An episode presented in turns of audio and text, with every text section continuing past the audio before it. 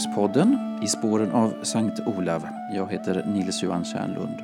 Och idag fortsätter vi med att utforska kultur och historia längs Sankt Olavsleden. Världens nordligaste pilgrimsled som går genom ett fantastiskt kulturlandskap. Från Bottenhavet till Atlanten, från Selånger i öster till Trondheim i väster. Pilgrimer och besökare längs Sankt Olavsleden vandrar genom ett kulturlandskap som präglas av sydsamisk historia.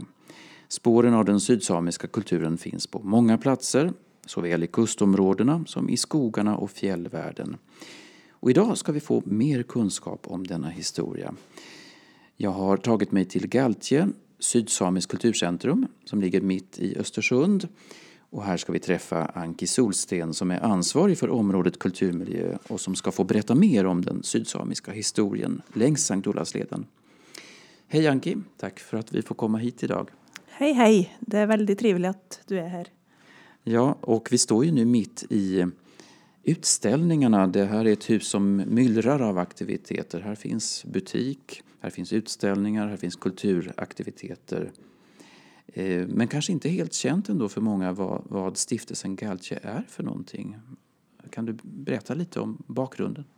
Ja, Galtje är en stiftelse som blev dannet i 1984 för att förvalta arven mm. efter KMAs, det vill säga kvinnliga missionsarbetares eh, verksamhet vid det tidigare samiska ålderdomshemmet Fjällgård i Änge i Åre kommun efter att eh, dem sin verksamhet hade blivit avslutad två år tidigare. Mm. Eh, I 1999 så stiftelsen det sydsamiske kultursenteret Galtie. Og Galtie det betyr kaldkjella på sydsamisk. Og det er òg, som navnet antyder, en plass å møtes på, men òg en källa till kunskap. Det är en lite speciell bakgrundshistoria då som jag inte kände till.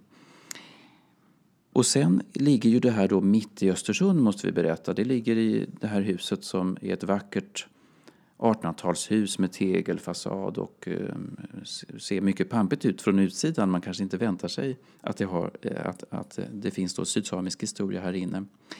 Och Östersund har ju ett samiskt namn också som eh, inte heller kanske alla känner till men man kan se det på skyltar. Det här namnet, vad, vad är det?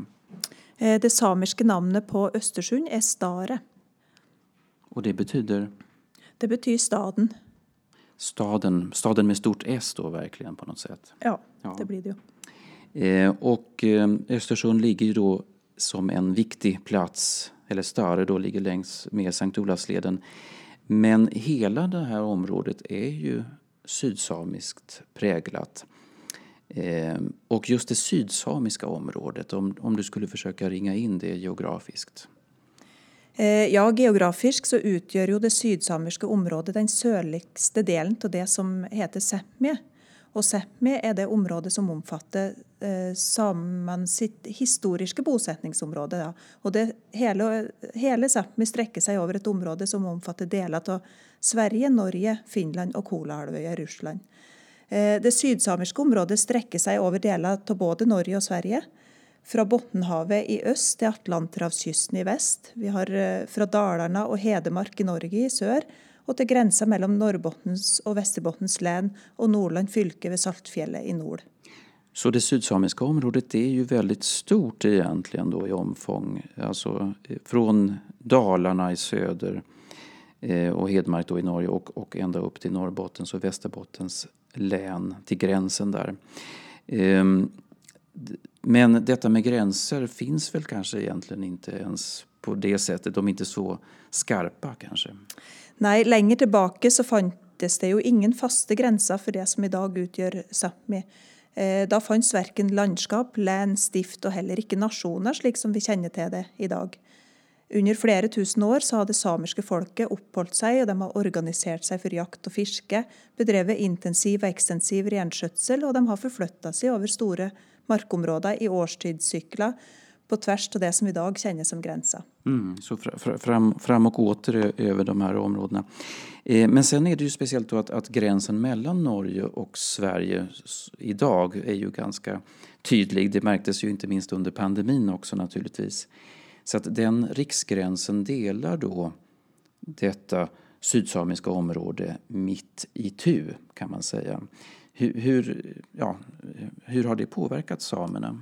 Ja, Riksgrensen mellom Norge og Sverige deler jo som du sier, det sydsamiske området midt i to. og En sånn oppdeling har vært fremmende for samene som lenger tilbake rørte seg fritt over grensene etter renene sitt betemønster. Eh, og Da riksgrensa ble stengt i og med unionsoppløsninga i 1905, og renene bare fikk bete i det landet reneierne var folkebokført, så medførte jo det nærmest katastrofale problemer. Og det er jo problemer som fremdeles Eh, finns, existerar för renskötseln i de gränsområden. Mycket som går tillbaka just till det här när det gäller dagens situation också då, alltså tillbaka till unionsupplösningen 1905. Det är en, det är en lång, spännande och intressant historia som vi inte kanske kommer att komma in på djupet i, i idag förstås. Men just det här samiska området det har ju då också sträckt sig, och det kanske just arkeologiska fynd har visat på senare tid också, att det, det, det har sträckt sig ännu längre söderut i Sverige. finns exempel på. Eh, ja, äldre samisk eh, närvaro finns dokumenterat i de flesta mellansvenska landskapen eh, ner mot Västmanland, Uppland och Värmland och det motsvarande också på den norska sidan. Mm. Men vad är det då som skiljer den sydsamiska ska vi säga, kulturen från övriga samiska grupper? Ja, Det som i huvudsak skiljer sydsamer från övriga samiska grupper, det är språket. Det finns flera olika samiska språk, eh, och det är ganska stor skillnad mellan dem. Och I tillägg till det så är det ju en hel del olikheter i drakt, ornamentik, kulturyttringar med mer. Mm. Eh, sen är det ju det här då med renskötseln, att det är någonting vi ofta förknippar naturligtvis med samer och samisk kultur. Eh, men det, det, om man ser till till helheten eh, och renskötsel, hur, hur stor del utgör det? Eh, ja, renskötseln är ju en väldigt viktig del av den samiska kulturen. Man kan ju säga att hela den samiska kulturen är formad efter ren och dens vandringar. Eh, men utifrån det så är det bara en liten del av samerna i Sverige som jobbar med renskötsel. Bara omtrent 10 procent jobbar med renskötsel, resten har helt andra jobb. Mm.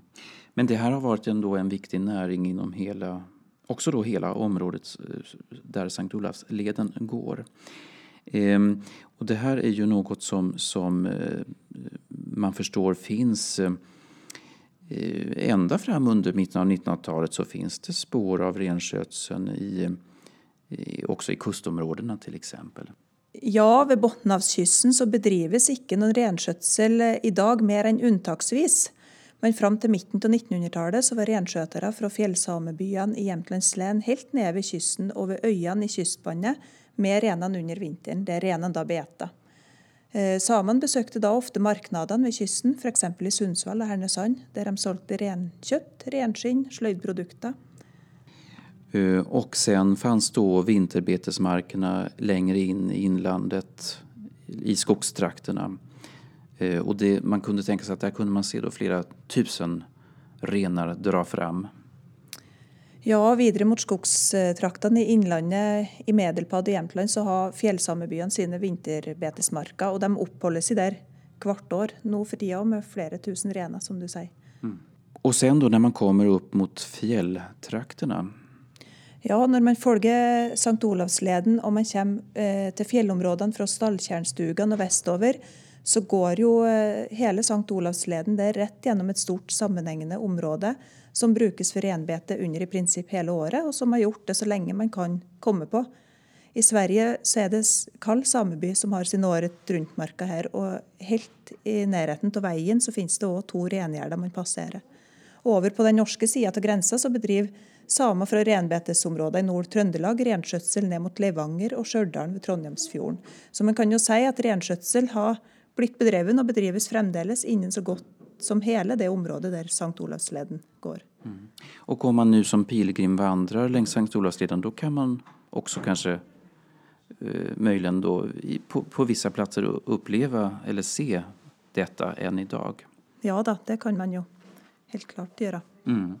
Nu står vi här mitt i utställningarna på, på Galtio och jag ser vackra slöjdföremål och här kan man då slinka in som besökare det är ganska centralt i Östersund, i den gamla tullkammaren, ett vackert hus som vi var inne på. Men vi ska söka oss, ja det är naturligtvis så att nu börjar det komma lite besökare snart och eh, vi kanske ska söka oss till ett lite lugnare rum och fortsätta utforska dina kunskaper om den sydsamiska historien, Anki Solsten. Så vi, vi vandrar väl genom, genom huset.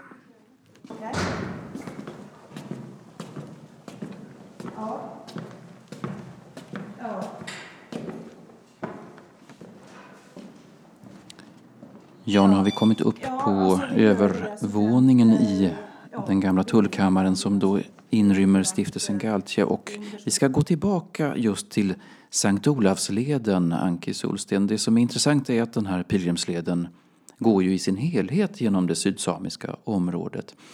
Och som vandrare längs leden upptäcker man hisnande vacker natur. Det finns många storslagna platser. Eh, men om man tar ett annat perspektiv så är det ju egentligen inte natur och vildmark som man ser framför sig utan det är ju ett kulturlandskap. Och inte minst ett sydsamiskt kulturlandskap. Och ändå kan det nog vara lite av en tankeställare att, att eh, det är på det sättet. Eh, för ofta hör man sådana beskrivningar att det är en fantastisk natur och vildmark. Så vad säger du om det här perspektivet? Ja, det här är absolut ingen vildmark. Överallt och speciellt i fjälltrakten så finns det en hel del spår efter samisk bruk av landskapet, även om spåren är svag. Till byggningar och annat så är det ju naturens eget material som har varit benyttat och resten har på naturlig måte fått gå tillbaka till naturen och därmed efterlatt sig spår som kan vara svåra att upptäcka. Fjällen är ett storskaligt beitelandskap präglat av många hundratals år med renbete Eh, I skogslandet är det svårare att finna lämningarna som framförallt är härda efter tältkåta. Eh, här är det mycket som är överodlat och åkermark eller nyare bebyggelse eh, och vi har skogsbruk som har förstört lämningar med mer. Men det finns en hel del lämningar. Mm. Men det är som du säger då att mycket av det, den de spår som, som en gång fanns, de är sköra också. De är, det är lätt att de har blivit förstörda och det är därför som man man kanske inte ser framför sig den här djupa historien som, som finns i landskapet. Men den sydsamiska historien finns naturligtvis väldigt stark och eh, om vi tänker tillbaka då nästan tusen år till vikingatiden och till Olav Haraldssons tid. Han var ju kung i Norge i början av 1000-talet och år 1030 så enligt sagorna drog han fram genom Medelpad, Jämtland och Tröndelag på sin väg mot Sticklestad. Eh, på den tiden, eh, vad kan det då och från den tiden, vad kan det då finnas för spår av sydsamer? Det vore ju spännande. Eh, finns det berättelser, sägner som ger några ledtrådar? Eh, ja, när det handlar om eh, själva slaget på Stiklestad i 1030 så eh, berättas det om Tore Hund, en nordnorsk hövding och en av ledarna i den bonde här som besegrade Olav den helige. Och han ska under angreppet mot Olav den helige ha varit klädd i en magisk kofte som han hade fått från saman och som beskyttade han. Och det ska ha, och ha varit orsaken till att han vågade gå till angrepp mot kungen. Eh, så har vi ju också ett sägen ifrån mitten av 1300-talet som nämner samer. Så det visar ju till att de höll till i det området här på den mm. tiden. Så att det, det, även i sagor och i legender så finns då den här samiska eh, kulturen invävd på något sätt. Och, och, det är rätt fascinerande det där med slaget vid Sticklestad att det skulle ha kunnat, kunna, ha kunnat finnas samisk magi inblandad i, i det som tog då död på, på Olav. Ehm, så det är en del. Men, men ändå är det väl svårigheten att ja, detta med skriftliga källor finns det ju inte så mycket av naturligtvis när man går tillbaka tusen år. Nej, det finns ju ingen egna samiska arkiv och sydsamisk eh, vart inte ett skriftspråk för ganska nyligen.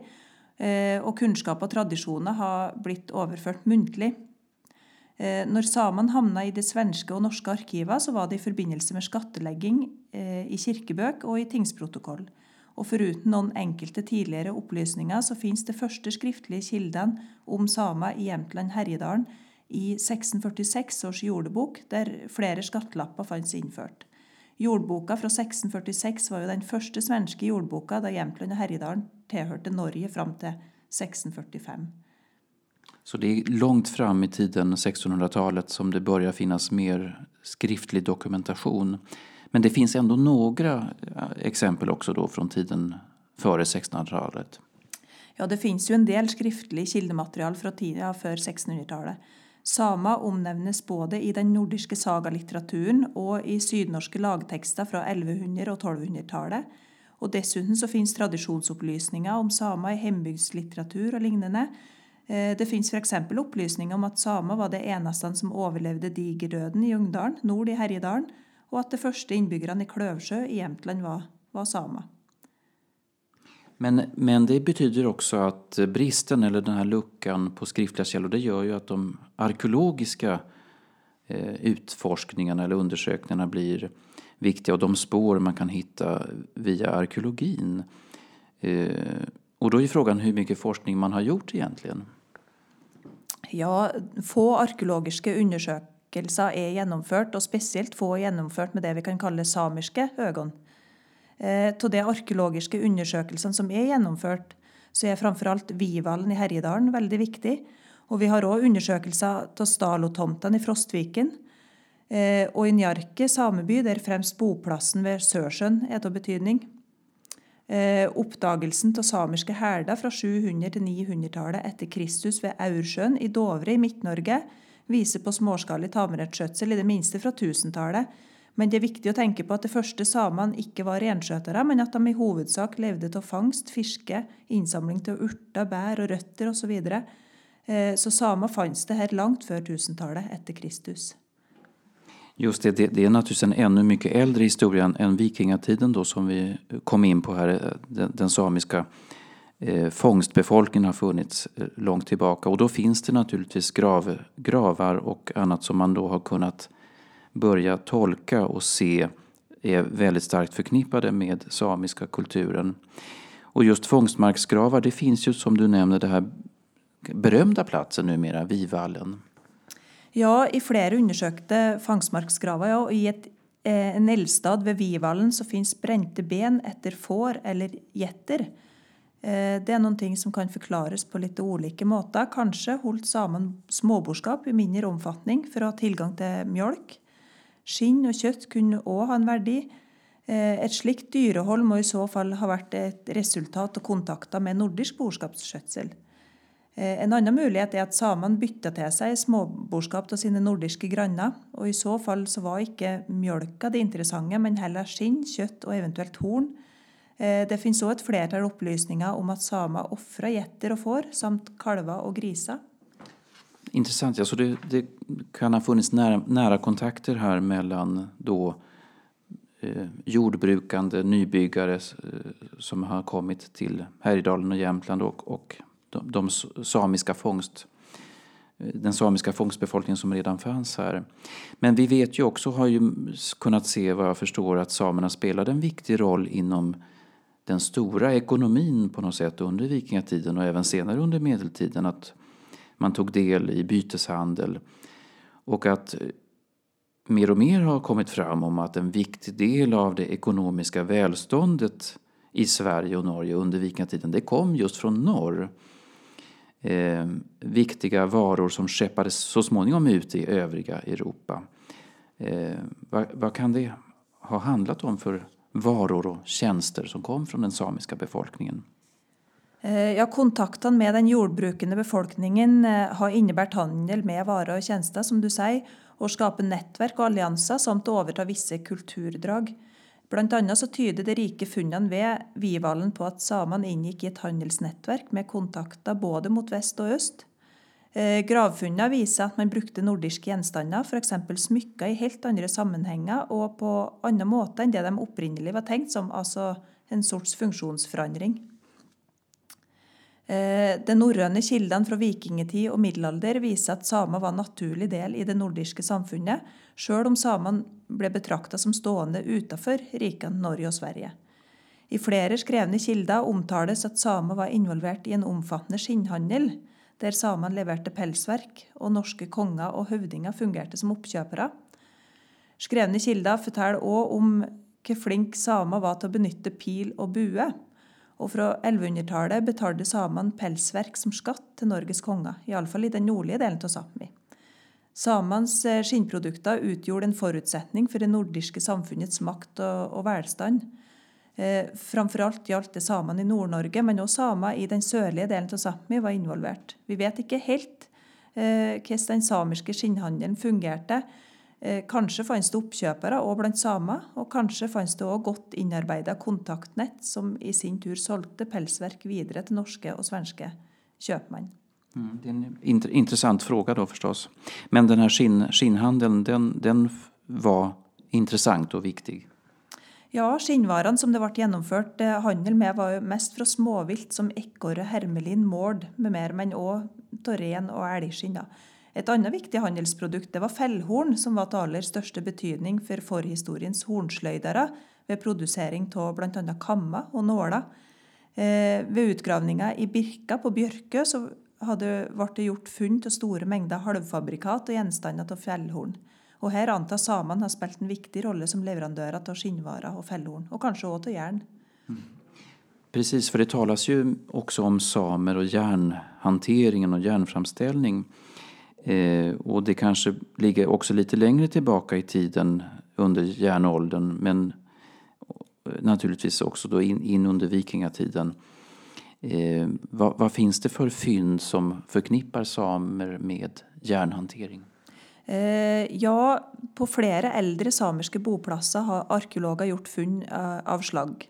exempel på en vistesplass vid Sörsjön i Njarke sameby eh, fanns en liten grop med smidesslagg.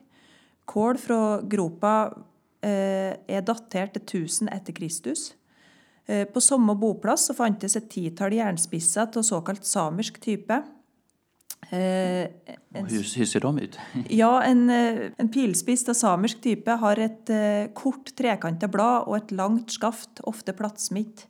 De er ganske tunge, og man finner dem ofte i samiske sammenhenger, som ved offerplasser eller ved boplasser. Eh, Eh, I tillegg så fantes det ved denne eh, boplassen en spydspiss samt flere andre jerngjenstander. Og kombinasjonen smideslag og jernredskap tolkes som at samene sjøl smidde sine redskap ved boplassen. Eh, ved en, ved en kåtaplass ved Vivallen også ble det påtruffet jernslag, antageligvis smideslag, men her er det nødvendig med mer forskning før man kan avgjøre det. Mm. Men mycket av det här tyder ju på att det fanns en nära kontakt då mellan samer och eh, övriga nordbor om vi så säger. Eh, till exempel då de som sysslar med jordbruk. Vi har hört här att det fanns kontakter. Och handeln tyder ju också på det med mer avancerade produkter, både råvaror och färdiga produkter. Eh, och man kan ju till och med undra då om samer fanns med bland de vikingar som drog på vikingatåg Eh, Eh, ja, vad vet vi om, om så nära kontakter? Kan det också ha varit så att man bildade familj till exempel? Ja, det här vet vi ju väldigt lite om, eh, nettopp för att skrivna kilder i princip. Eh, obekräftade Eh, upplysningar eh, säger däremot att sydsamer antagligen följde med på vikingatog. Eh, det är osäkert om samer och nordbor dannade familj. De hade ju bland annat olika språk och traditioner, någonting som ha gjort det svårare för dem. Eh, I den norske sagalitteraturen, f.eks. Ågrip, som er en oversikt over norsk historie fra 1100-tallet, så fortelles det om eh, hvordan kong Harald Hårfager møter Svasi finnkonge, dvs. Si samekonge, som bor i en kåta ved kongsgården Tofte i Dovre i Norge. Og blir så forelska i Svasis datter Snøfrid at han trolover seg med, med henne. Eh, en nesten identisk berettelse gis òg i Heimskringla, en historikk over de norske kongene, eh, skriven skrevet av Snorre Sturlason i begynnelsen av 1200-tallet. Og Der fortelles òg at kong Harald og Snøfrid fikk fire sønner, og at en av dem holdt på med trolldom og ble nöjd som er en samisk sjaman. Det är ju väldigt spännande naturligtvis med den här sagan. Och Snöfrid är också kanske en, en saga som man kan känna igen. Man känner igen det här vackra namnet Snöfrid. Det var alltså en samisk hövdingadotter då som alltså skulle ha blivit, eh, ja, om hon blev förälskad eller om det var Harald, Harald Hårfager som blev förälskad i henne. Men de, på något sätt så har de då trolovat sig och haft en relation. och fått fyra söner som du säger enligt legenden. Ehm, så det, det, det är ett exempel på vad sagorna i alla fall berättar. Men eh, när det gäller arkeologi då kanske man har, har andra belägg också. Ja, arkeologin forteller jo om kontakter. Eh, funn fra samiske plasser i Mellanskandinavien är ofta en blandning av gjenstander med ulike opprinnelser. här gäller under hela förhistorien och visar på kontakter både med nordiska grannar och folkeslag längre bort, både i öst och väst. Och här är ju Vivalen, som jag nevnte tidigare, det bästa exemplet på, på nettopp det här. Vivallen, ja precis. Det var ju då tusen år sedan också en brytningstid mellan den förkristna tiden och kristnandet i, i Norden. En mycket omvälvande tid får man säga och en lång process. Och där spelade ju kung Olav Haraldsson en, en viktig roll i den kristna missionen. Han var ju den som lät organisera kyrkan i Norge. Han uppförde kyrkor och införde den första kristna lagen. Och efter slaget vid Sticklestad, där Olav stupade, så blev han ett populärt helgon. Och då så småningom tog pilgrimsvandringarna fart också till Sankt Olafs grav i Nidaros. Eh, och då undrar man ju då samtidigt hur gick det under den här perioden för eh, sydsamerna? Behöll de sin traditionella religion eh, eller tog de också intryck av kristnandet vid den här tiden? Som ju var en, en väldigt stark rörelse i tiden. Det här är ju också någonting vi vet väldigt lite om eftersom att det inte finns skrivna källor. Eh, vi vet att sydsamene beholdt sina egna trosföreställningar länge, i det minsta till långt in på 1700-talet, eh, men de tog också intryck av kristendomen. Eh, som på norsk område har många krucifix blitt påtruffet på samiska offerplatser i nordliga Sápmi från 1000- till 1200-talet. Det samiske draktsilveret med sine Maria-monogram er vitnesbyrd om at middelalderens misjon påvirka samisk tru, og den katolske mariakulten har inspirerat mariajoikaren. Just det, så det finns alltså olika influenser här och just den här mariakulten är ju fascinerande att det fanns en, en stark mariakult. Den var ju mycket levande hos nordborna överhuvudtaget som det verkar. Men också då i den samiska kulturen som du är inne på. Och mariajojkar också så som skapades. Men naturligtvis ändå, kanske det här är ett kapitel som det behöver forskas mer om också låter det som. Ja, absolut. Om vi nu tittar lite på kartan över Sankt Olafsleden så det finns ju alltså många intressanta platser ut med pilgrimsleden som har samisk anknytning. En del platser kan man ju då belägga långt tillbaka i tiden, till och med äldre än vikingatid, med arkeologiska fynd. Andra platser kanske inte man kan se samma förhistoria som går så långt tillbaka men man kan säga att det finns ju många lager då av samisk historia under alla århundraden. Och eh, det finns många platser att välja bland men om, om du skulle välja att eh, ja, berätta, berätta lite mer om några platser som man kanske passerar då som vandrare ut med Sankt Olavsleden. Ja, jag kan ju nämna lite kort Sundsvall och Sundsvallsområdet, eller Sjettavalje som det heter på sydsamisk. Vad heter det på sydsamiska? Sjettavalje. Just det, Sjettavalje, ja. Eh, där har ju flera olika samiska befolkningsgrupper i likhet med mellersta och norra Sverige för övrigt uppehållit sig genom tiden. Bland annat så har det ju varit skogssamer här, fjällsamer med renar på vinterbete. Man hade en grupp som var eh, kallad sockenlappa och det var bofaste samer utan rena och samer på tillfällig besök i området under, eh, under långa perioder. Mm. Och Sundsvall är ju själva utgångspunkten då kan vi säga för Sankt Olavsleden, Selånger eh, närmare bestämt. Och det finns i det området, eh, det finns en del ortnamn till exempel som visar på samisk historia. Ja, det finns en hel del ortnamn Eh, som visste samisk historia som du säger, och äldre samisk närvaro. Navna är av okänd ålder, men vi förstår att de sannolikt är väldigt gamla.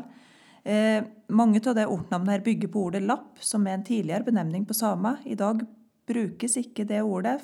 Det betraktas som nedsättande och kränkande. Men när vi letar efter upplysningar om sama i äldre kilder, som i ortnamn, så kan de ge oss god information om det här. Eksempel på ortnamn som viser til at samer har oppholdt seg i Sundsvall og Selångersområdet, er Lappbakken, som skal være en mindre odling i Valla by i Selångerssokken, som ikke lenger finnes. Det finnes opplysninger om at en tidligere sokkenlapp var bosatt der. Straks nord for Lappbakken finnes òg en kjella som heter Lappkjellan, og i Valla i Selångers socken har vi òg Lappgjerdan, som viser til at samer har oppholdt seg der. Och Valla är ju en by som man passerar precis i början av Sankt Olavsleden på vägen väst, äh, eh, västerut då mot Matfors. Ehm, så det, det, är intressant vad ortnamnen kan berätta. Och du är ju, Anke Solsten, också involverad i ett projekt som eh, försöker ta fram mer kunskap om, inte minst om kustområdena. Kan du kort berätta? Ja, akkurat nå så jobber jeg i et Interreg-prosjekt som er et samarbeid mellom Galtie og Samin Site i Snåsa på norsk side. Eh, prosjektet heter Samis on the Coast, Bjevnarakke 2, og målet er å synliggjøre den samiske historien i kystområdene i Vester-Norrland og Trøndelag. Dvs. Si bl.a. i de områdene der St. Olavsleden starter og slutter. Eh, I det prosjektet har vi sammenstilt en hel del interessante opplysninger som berører den samiske historien i f.eks. Sundsvallstrakten. Og for en som vil lese mer om de plassene som beskrives i prosjektet, og en hel del andre interessante ting som berører samisk kultur og historie, så kan dere besøke prosjektets nettside som, som heter www.balka.se. Balka.se, det är alltså B-A-A-L-K-A.se. Eh, där kan man alltså söka mer information om, om det här pågående projektet då, Samis on the Coast. Ja, det är sydsamisk och betyder stig. Intressant. Eh, så Sundsvallsområdet och kustområdet där och eh, också naturligtvis Tröndelag är ju spännande. Men vi har ju då inlandet och vi befinner oss ju nu då i Stare, Östersund. En viktig central plats också för den samiska befolkningen.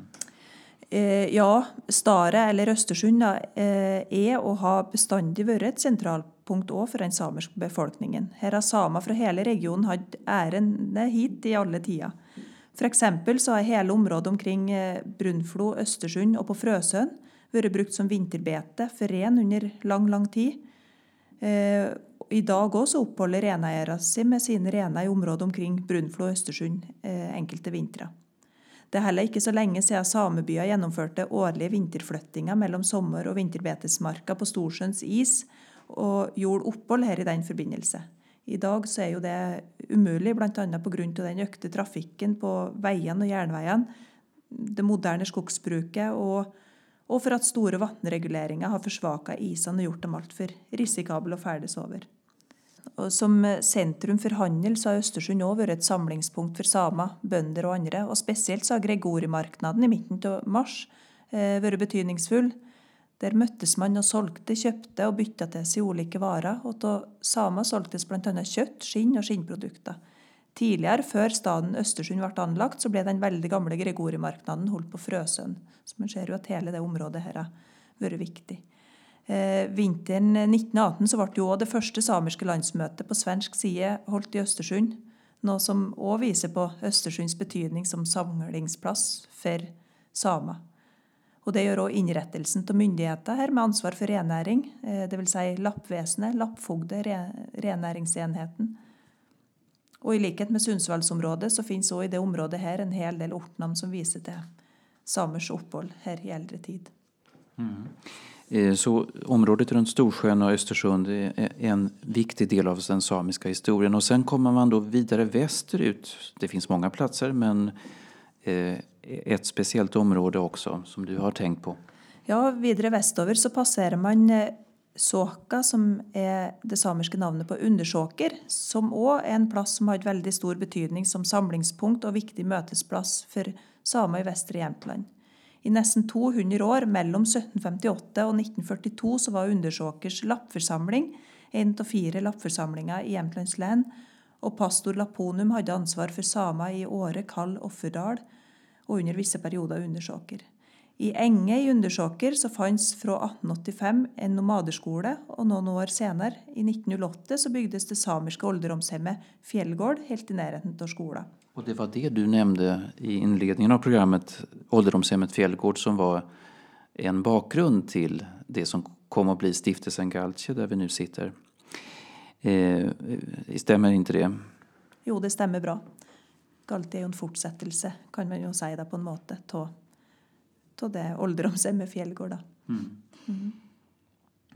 Och dessutom fanns det, det finns, finns mer att säga om Undersåker också. Ja, da, fra 1800-tallet og framover så ble det òg holdt eh, samisk nyårsmesse i Nyland i Undersåker.